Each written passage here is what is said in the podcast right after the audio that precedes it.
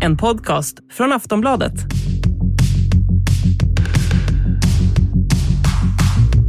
Bakom lyckta dörrar tisseltasslas det precis just nu om vilka som ska bli Sveriges mäktigaste personer. Och vi på utsidan, vi kan bara spekulera.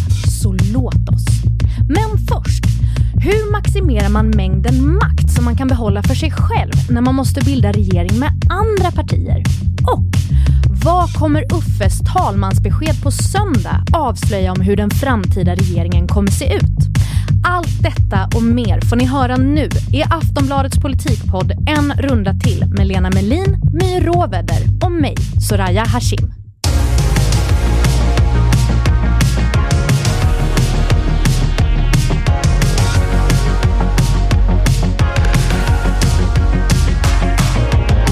Lena och My, välkomna hem till studion. Tack. Tack. Det är ju väldigt nyhetstunga dagar just nu. Eh, Putin trappar upp kriget i Ukraina. Det är svåra ekonomibesked för svenska hushåll och de kommer hela tiden. I maktens korridorer så sitter halva gänget och förhandlar om hur makten ska fördelas och den andra halvan är på väg ut genom dörren. Vem är det som kör? Det är Magdalena Andersson. Ja, nu. Men, men hon står ju inte, liksom, kommer inte staka ut någon ny kurs. Hon trampar på är väldigt låg med väldigt få knop eh, bakom, eller i sig så att säga och eh, ser till att båten styr dit den sa att den skulle styras. Ja, men för nu har vi väl en övergångsregering, eller hur? Mm. Eh, om jag har förstått det rätt så får övergångsregeringen får liksom inte man får inte ta några skarpa kurvor plötsligt, utan man ska bara puttra på. Men om det händer någon jättekris, om det händer någonting helt sjukt nu, så måste man väl ta något beslut? Alltså man får ta, det är en praxis. Som allting annat finns det inga hårda regler egentligen, utan det är mer en uppmaning att man inte ska göra det. Så att händer någonting akut så är det klart att man kan ta beslut. Jag skulle gissa också att man skulle ta beslut med samråd av den eh, kan, möjligtvis eh, tillkommande regeringen också? Då? Alltså enligt regeringsformen så är det så att övergångsregeringen får göra allting utom att utlysa nyval. Men eh, re, regeringskansliets jurister har ju tolkat det här på ett helt annat sätt, så de anser ju att de knappt kan göra någonting. Mm. Men det är klart att om landet går under så något måste ju göras. Då får man väl göra precis som My sa, då får man väl sätta sig ner med de tillträdande. Okej, så just nu är vi ju också i läget att Ulf Kristersson har fått uppdraget av talmannen att se vilka förutsättningar han har för att bilda regering. Och nu förhandlas det intensivt mellan Moderaterna, Kristdemokraterna, Liberalerna och Sverigedemokraterna. Hur ser sådana här förhandlingar ut? Jag har ju föreställt mig liksom en orden, ni vet så här kåpor, tända ljus, tunga dörrar.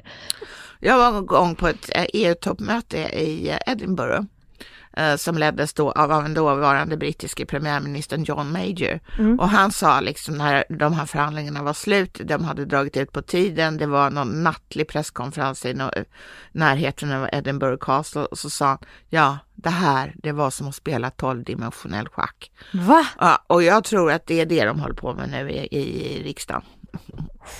För eh, jag, jag, tänker, du sa det här, du skrev i en kolumn Lena här, här i veckan att det kommer ta dem mellan 4 och 134 dagar att komma fram till en lösning. Det är liksom ganska brett. Ja, ja, men jag tror att det kommer ligga närmare, närmare 4 än 134. Eller det kanske är bara så att det är en from förhoppning från min sida. Men det tror jag faktiskt.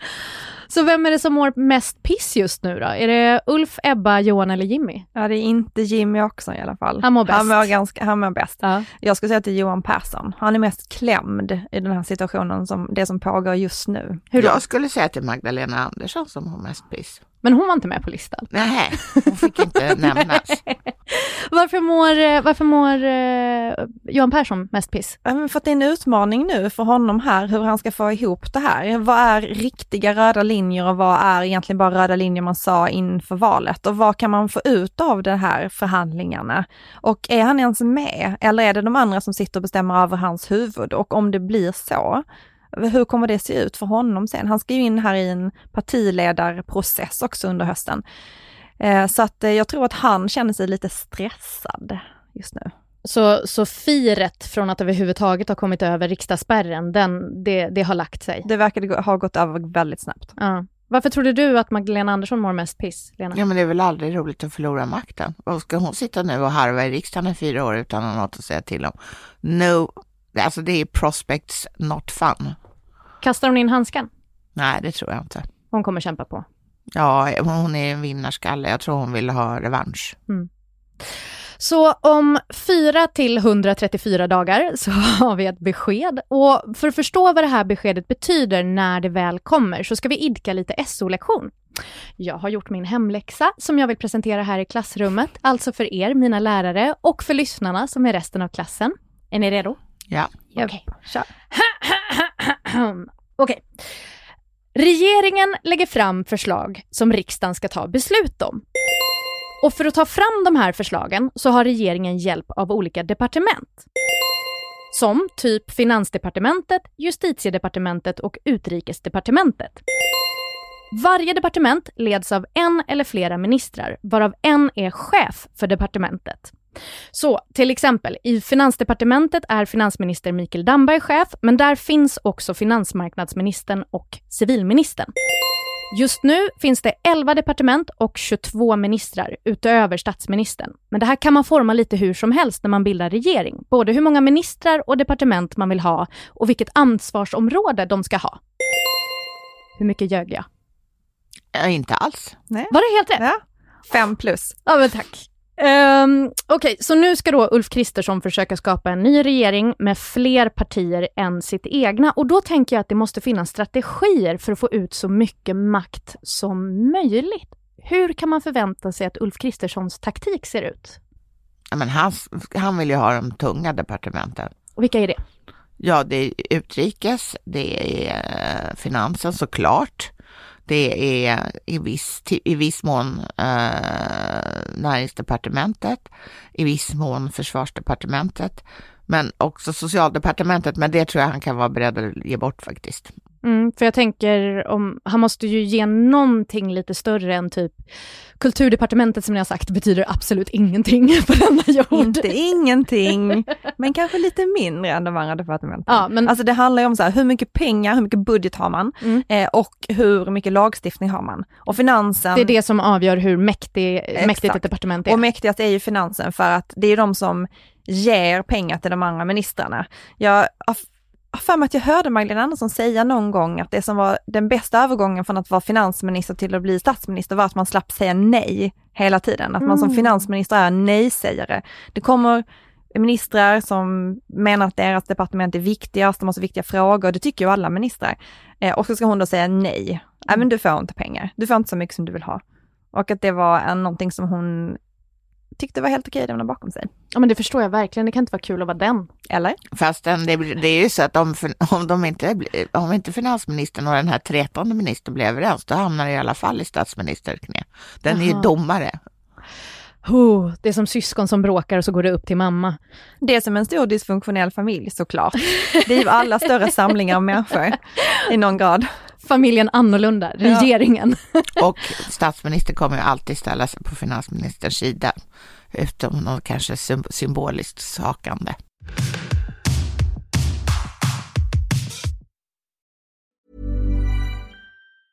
When you're ready to pop the question, the last thing you want to do is second guess the ring. At BlueNile.com you can design a one-of-a-kind ring with the ease and convenience of shopping online. Choose your diamond and setting. When you find the one, you'll get it delivered right to your door. Go to Bluenile.com and use promo code LISTEN to get $50 off your purchase of $500 or more. That's code LISTEN at Bluenile.com for $50 off your purchase. Bluenile.com code LISTEN. Men jag vill också ha en bild av var de andra partierna vill komma in. Alltså vilka är de viktigaste posterna att norpa för KD? Det är precis som Lena sa, socialdepartementet. Bara? Nej, men sen tror jag att de kommer, alltså bistånd är ju en viktig sak för Kristdemokraterna och det är också väldigt mycket pengar. Eh, men det är ju inte någon tung post direkt, men jag kan tänka mig att de ändå vill ha, skulle kunna tänka sig vilja ha den. Och sen så kan de ju också tänka på lite på vad har de bra personer som de vill ha in och då Jakob Forssmed till exempel, deras ekonomisk-politiska talesperson, är ju en noggrann och eftertänksam person han kanske skulle passa på finansen, som, men inte som etta då, utan som någon, en, eh, inte finansminister, utan en annan minister på finansdepartementet. Men det här För nämnde... det finns ju en liten kontrollfunktion där också, att om ja. man är en koalition, att ha en minister från även de koalitionspartierna, inte bara de som leder regeringen, på finansen på något sätt. Vi har sett det nu under hela socialdemokratiska regeringen också, att Miljöpartiet har haft en person på finansen. Hur, ju... hur, menar du då konkret? Alltså... att man har en ministerpost på finansen. Alltså, alltså är... Per Bolund. Precis. Satt i? Där, tills han blev klimatminister. Okej, okay, nu fattar jag. Okej, okay, mm. så till exempel då om vi då tar eh, Finansdepartementet som exempel, då, då kanske det är en moderat som blir finansminister. Ja, det, blir, kanske, ja. det blir. Okej, okay, förlåt. Okay. ja. Om vi tar Finansdepartementet mm. som exempel då, så blir det en moderat som finansminister, men kanske att det blir en kristdemokrat som civilminister.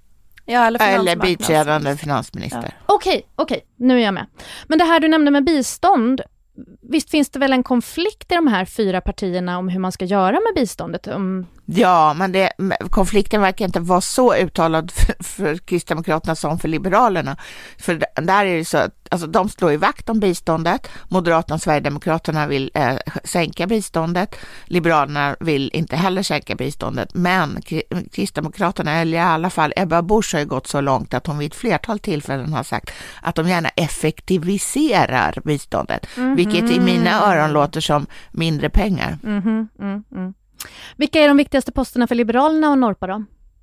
Men det skulle vara utbildningsdepartementet. Jag tror inte heller att de skulle ha chansen att eh, få någonting annat om de skulle lyckas förhandla sig in i en regering. Är det troligt att de skulle få det? För det är väl lite, den har väl lite mm, Alltså man måste ändå Kött. se till att Liberalerna har 4,6 procent och KD 5,3. Antalet statsråd kan inte variera allt för mycket mellan de två partierna. Men, men liksom utbildningsdepartementet som departement, är det ett sånt som ses som nice? Eller är det ett, ett slaskdepartement? Nej men det är ju en profilfråga för Liberalerna och precis som Lena pratat om i den här podden jättemånga gånger, är Liberalerna, de har ju, de profilerar sig i skolfrågor, sen tappar de det och nu är de ändå tillbaka och eh, har, och liksom har tagit tag i det lite mer och det är där de har högst förtroende och störst chans att liksom synas och höras. Men det är jag med på, men ur Ulf Kristerssons perspektiv, alltså om han nu vill behålla så mycket makt som möjligt, eh, är det värt för honom, är det bra för honom att lämna bort Ja men det skulle funka för honom. Ja, okej. Okay. Men det är inget slaskdepartement, men det är heller inte ett av de allra tyngsta. Nej. Det är något så mittemellan. Mm. Inte som kulturen då, slask. Eh, det här säger jag för att jag älskar kulturen, men... Eh, Landsbygd. Sverigedemokraterna då, vad vill de ha? Men justitiedepartementet är ju deras dröm, alltså det är ju ingen det finns, det är ju inget sammanträffande att de har gått så hårt åt Morgan Johansson. Han har ju liksom deras drömjobb. Mm. Det är ju någon som är justitieminister men också är ansvarig för migrationsfrågan samtidigt. Är de avis? så avis på denna post. Du vet Men, när man, någon har någonting och man är så svartsjuk att man liksom bara inte kan hålla igen. Mm, då måste man hålla på så här tjuvnypa. Mm. Hur sannolikt är det att Ulf Kristersson skulle ge bort justitiedepartementet till Sverigedemokraterna? Nej. Inte. Nej. Fast egentligen skulle vill ju båda de partierna ha båda de, de nuvarande posterna på det departementet. Alltså både Eh, eller alltså de som är knutna till, till själva lagstiftningen och till migration. Så hur skiljer det sig då, eh, om man tänker ur Ulf Kristerssons perspektiv, hur skiljer det sig om man är tvungen att samarbeta i en regering med flera partier än om man hade regerat själv? Hur tänker man där? Den viktigaste skillnaden är ju att man måste samordna sig hela tiden. Det tar en jäkla tid och då har det ju lösts under de senaste eh, åren, eh, 20 åren eller inte riktigt 20 åren, med att det finns ett samordningskansli på statsrådsberedningen, alltså på statsministerns kontor. Mm. Och där, där är, sitter alla de representerade partierna, alltså de partier som sitter i regeringen och så har de en statssekreterare och så sitter de där och processar och, och kollar att ingenting Eh, för, att den ena inte får för mycket att säga till om i en viss fråga och den andra är för lite och sådär. Så, så där sitter det liksom några och mäter saften i glasen så att det liksom ska vara helt jämnt Precis. mellan alla syskonen? Och då nu under den senaste eh, koalitionsregeringen, alltså det SMP, så var det ju bara två statsråd där, eller statssekreterare där då, fast en massa tjänstemän också såklart. Ja. Uh, Men även då om man har en enpartiregering så måste det finnas massa smarta strategier för att klämma ut så mycket smör ur bullen som möjligt. Eh, har ni några exempel där på hur man har gjort? Nej men det beror väl på hur mycket makt man vill ha som statsminister, alltså hur mycket av makten koncentreras som statsminister. Den är ju redan stor, mm. men Göran Persson till exempel, han använder ju sig av regeringsombildningar för kontroll. Eh, och han delade, ja men att han bytte ju ut sina ministrar eh, kontinuerligt och ganska ofta. Det ses ju som en unik tid i svensk politik, att man använder regeringsombildningar för att liksom skaka om politiken. Eh, och att det också var, som de som har beskrivit som var med i de här regeringarna, att det också alltid var lite otryggt att veta om man fick stanna kvar eller inte. Att det var lite så här, lite så House of Cards-känslan. Vem, vem är på väg ut och vem är på väg in? Och man kunde, det fanns beskrivningar om hur man tolkade olika tecken och sådär. Men det är lite söndra och härska. Ja, om du absolut. lyder Persson, då får absolut. du stanna kvar. Tjafsar du så får Det var väl det som var själva grejen. Men aha, men och det, på vilket sätt gör det att han då fick mer makt, att han hade den här strategin? Ja men det gör ju att alla försöker ju eh, göra en person glad som har makten över att kicka ut dig vilken när som helst helt enkelt. Så man vågar inte tjafsa, man vågar inte sätta sig emot om det man tycker något är fel? Det fanns människor som vågade tjafsa också, men ofta så avgick ju de då. Avgick? Ja, alltså de sa upp sig. Sa de upp sig eller blev de tillsagda? Nej, men det, det, var ju en, en, en väldigt spektakulär avgång och det var ju när finansministern lämnade regeringen, Erik Åsbrink. Påminn mig. Ja, han, han avgick en van, helt vanlig eftermiddag och sa att han eh, inte kunde tåla att Göran Persson la sig i hans arbete. Och vad hände då? Ja, då hände det att två timmar senare hade Sverige en ny finansminister. och, för att det kunde ju inte Göran Persson tåla att det var någon som skulle näpsa honom, så då, då näpste han tillbaks. Så att jag, be, jag be, är minsann inte beroende av dig Erik, var det underliggande budskapet. Men han hade någon i liksom bakfickan som ja. han bara drog fram? Jajamensan.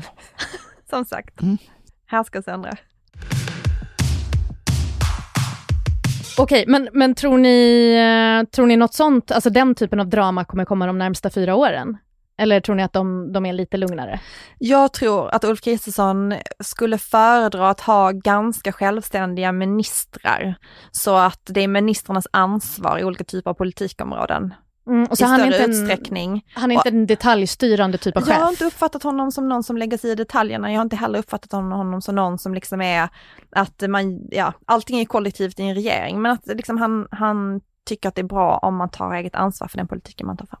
Men jag tror en annan sak också, det är att eh, Perssons eh, önskemål om att byta ministrar, det gjorde att han tog in ganska oerfarna personer med jämna mellanrum, alltså som inte hade mm, befunnit sig i maktens inre cirklar. Jag tror att det kommer Ulf Kristersson att undvika. Han kommer att, ta, han kommer att spela med säkra kort. Vad, vad kunde det få för effekter i Perssons regering då? Att man inte har den här eh, långsiktiga erfarenheten och kunskapen som sitter kvar under i alla fall fyra år? Ja, det är ju bland annat att inkörningsperioden blir längre.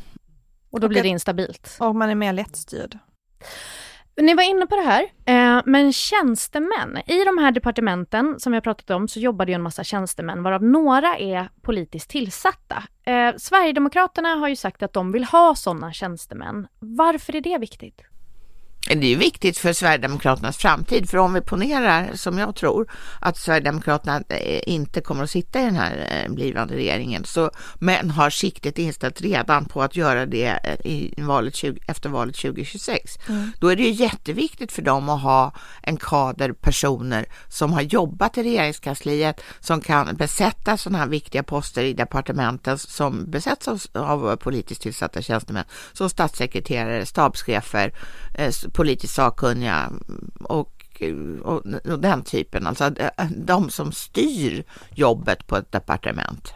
Ni har varit inne på detta tidigare att eh, Sverigedemokraterna siktar ju framförallt på 2026 som sitt stora år. Så att tanken, gyllene året. Gyllene året 2026. Så att tanken här då menar du Lena är att man ska passa på att under de här fyra åren träna upp sitt folk Ja, och det är ju, ska, för jag, jag utgår ifrån att Jimmy Åkesson inte har tänkt sig att det ska bli en, en, liksom en skräckperiod i Sverigedemokraternas eh, historia när de till sist sätter sig i regeringen, utan då vill ju han att det ska rulla på så smooth som möjligt. Mm. Och då, då är det ju jätteviktigt att ha bra personer på de här posterna. Det är ju de som, man brukar, alltid, brukar ibland säga att det är statssekreterarna som bestämmer. Man kan, en idiot kan vara, vara minister, bara den ser trevlig ut. Och, eh, men den som sköter jobbet är statssekreteraren. Ja, det är ungefär som dynamiken vi har i den här podden. Vilken idiot som helst hade kunnat sitta på min plats, det är ni. jo, jag Men eh, i vilka departement är det viktigast eh, för Sverigedemokraterna att få in sina tjänstemän då? Är det, är det finans och justitie eller? De vill sitta i statsrådsberedningen precis som Lena beskrev hur man hade det, liksom, har man haft det nu och under alliansen också, att man har ett samordningskansli.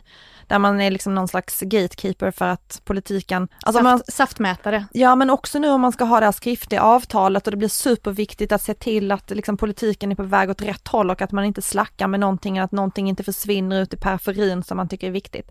Då är det ju där man ska sitta. Mm. Men sen så tror jag också, precis som Lena, alltså de, det här är också ett argument Eh, som de kan använda sen då för att de faktiskt har den här erfarenheten som yes. de nu säger sig inte ha och därför inte kan sitta i en regering. De vill ju liksom och som var som ett motargument också som, som väl Ulf Kristersson ja, använde precis. sig av. Och så. Ja men precis, de vill ju liksom bli av med det argumentet till nästa precis. gång. Och sen är det ju också så här att om man är som, som Sverigedemokraterna som haft väldiga problem att rekrytera personal med erfarenhet av regeringar eller liksom politiskt arbete överhuvudtaget, så är det ju lite mer sockrat att säga att den här tjänstemannapositionen är i ett regeringskansli. Mm. Det är en lite hetare post än att säga så här, det kommer sitta på ett riksdagskansli och ja, det, det, kan bli liksom en, svårt, det kan bli kontroversiellt att jobba för oss, vi kanske inte kommer få makt. Alltså det är någonting helt annat.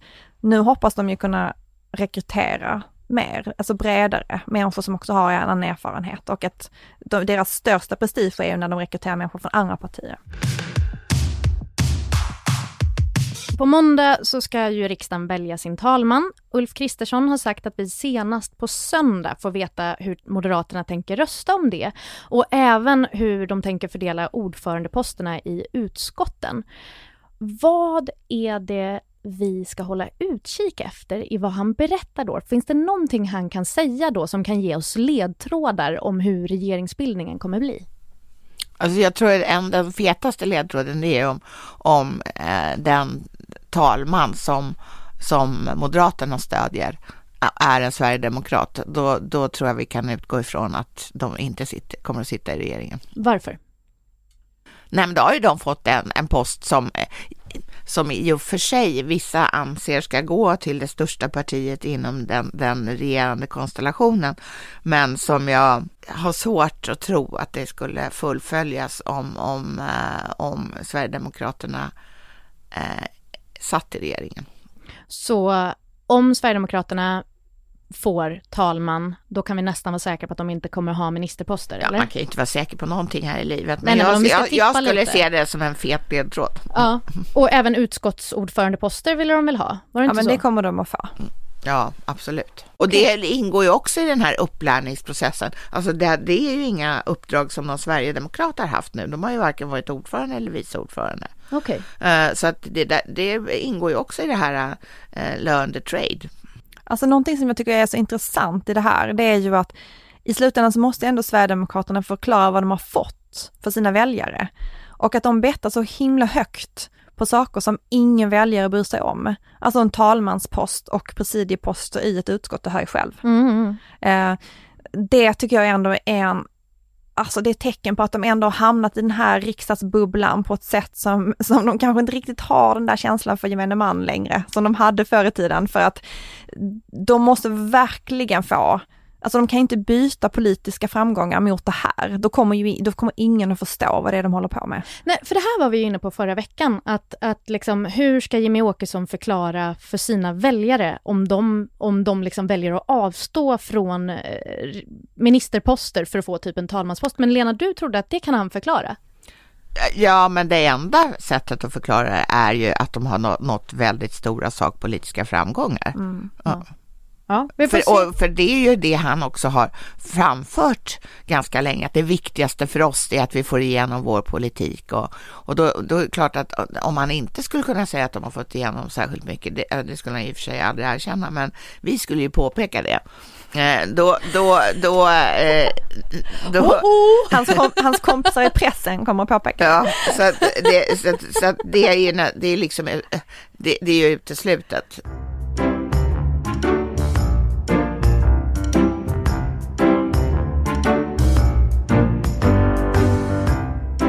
Vi kommer ju såklart få anledning att återkomma till det här. Det här är liksom en, eh, en liten gissningslek, men låt oss spekulera i namn. Låt oss leva lite.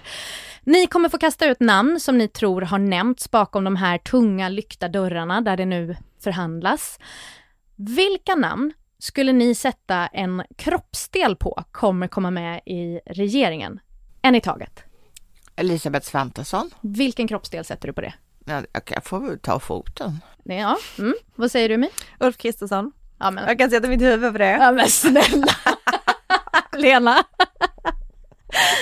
Ja, ehm, jag, jag tror att eh, de klumpar ihop. Gunnar Strömmer och Johan Forssell kommer att sitta i regeringen båda två. De är moderater. Vilka kroppsdelar försvinner där om det inte blir? Ja, alltså där, ska jag, där- där är jag nog bara egentligen öronen.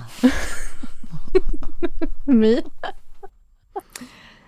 Ja men Ebba Busch kommer ju också sitta i regering. Ja, men snälla, du är Ja, men- så feg! Ja men jag satsar säkert, det är ändå min kropp. Stopp min kropp.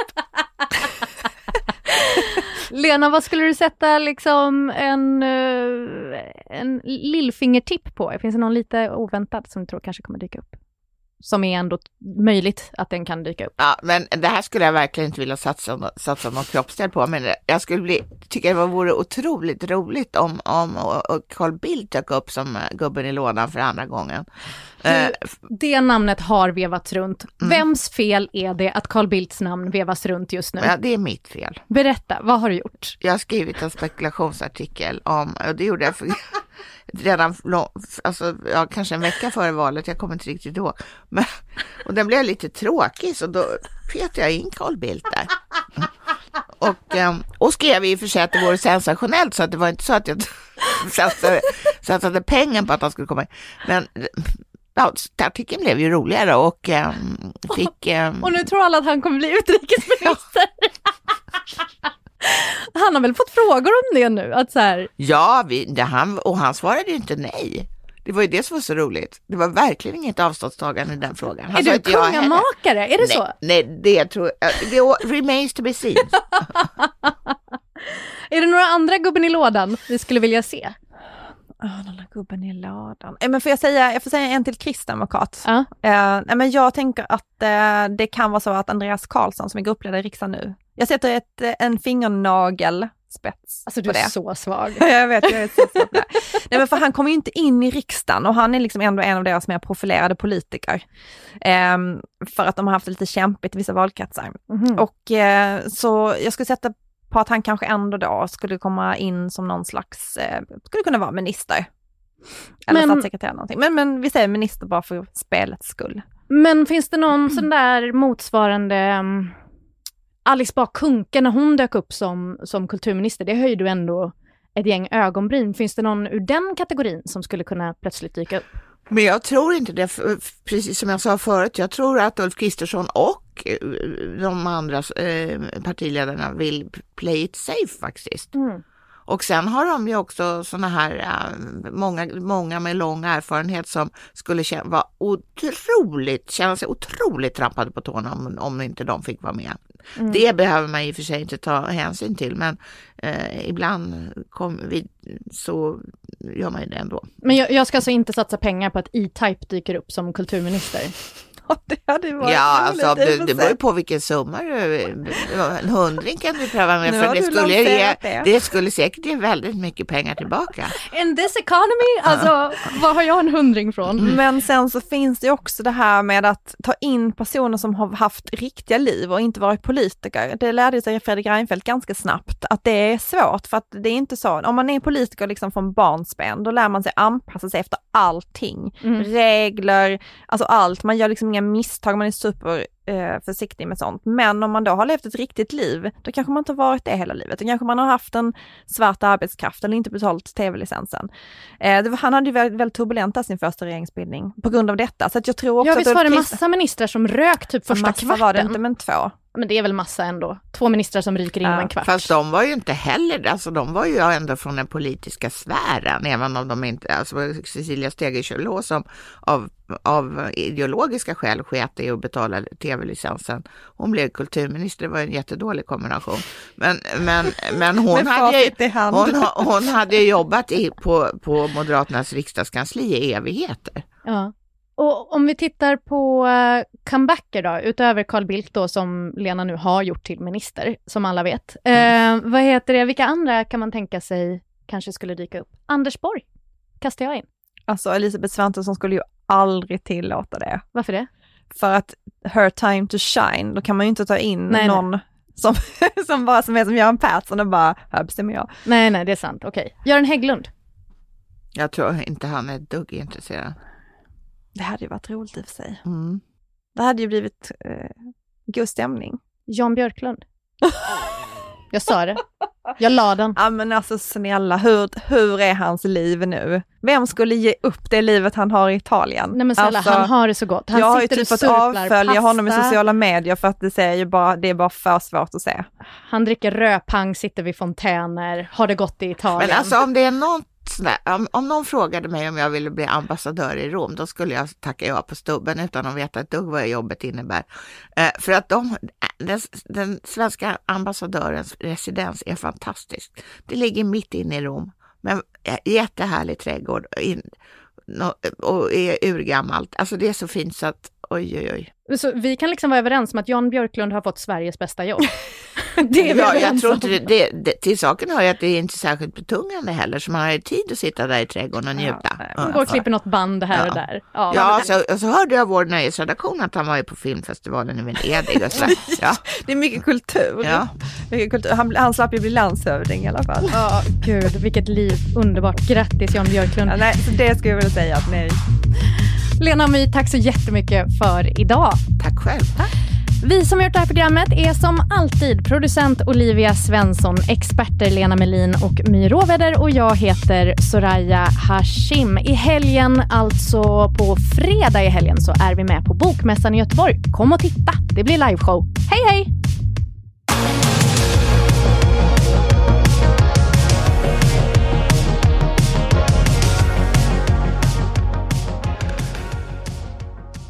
Du har lyssnat på en podcast från Aftonbladet.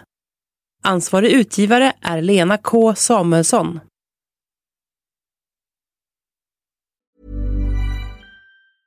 Ready to pop the question? The jewelers at BlueNile.com have got sparkle down to a science with beautiful lab grown diamonds worthy of your most brilliant moments. Their lab grown diamonds are independently graded and guaranteed identical to natural diamonds, and they're ready to ship to your door. Go to BlueNile.com and use promo code LISTEN to get $50 off your purchase of $500 or more. That's code LISTEN at BlueNile.com for $50 off. BlueNile.com code LISTEN.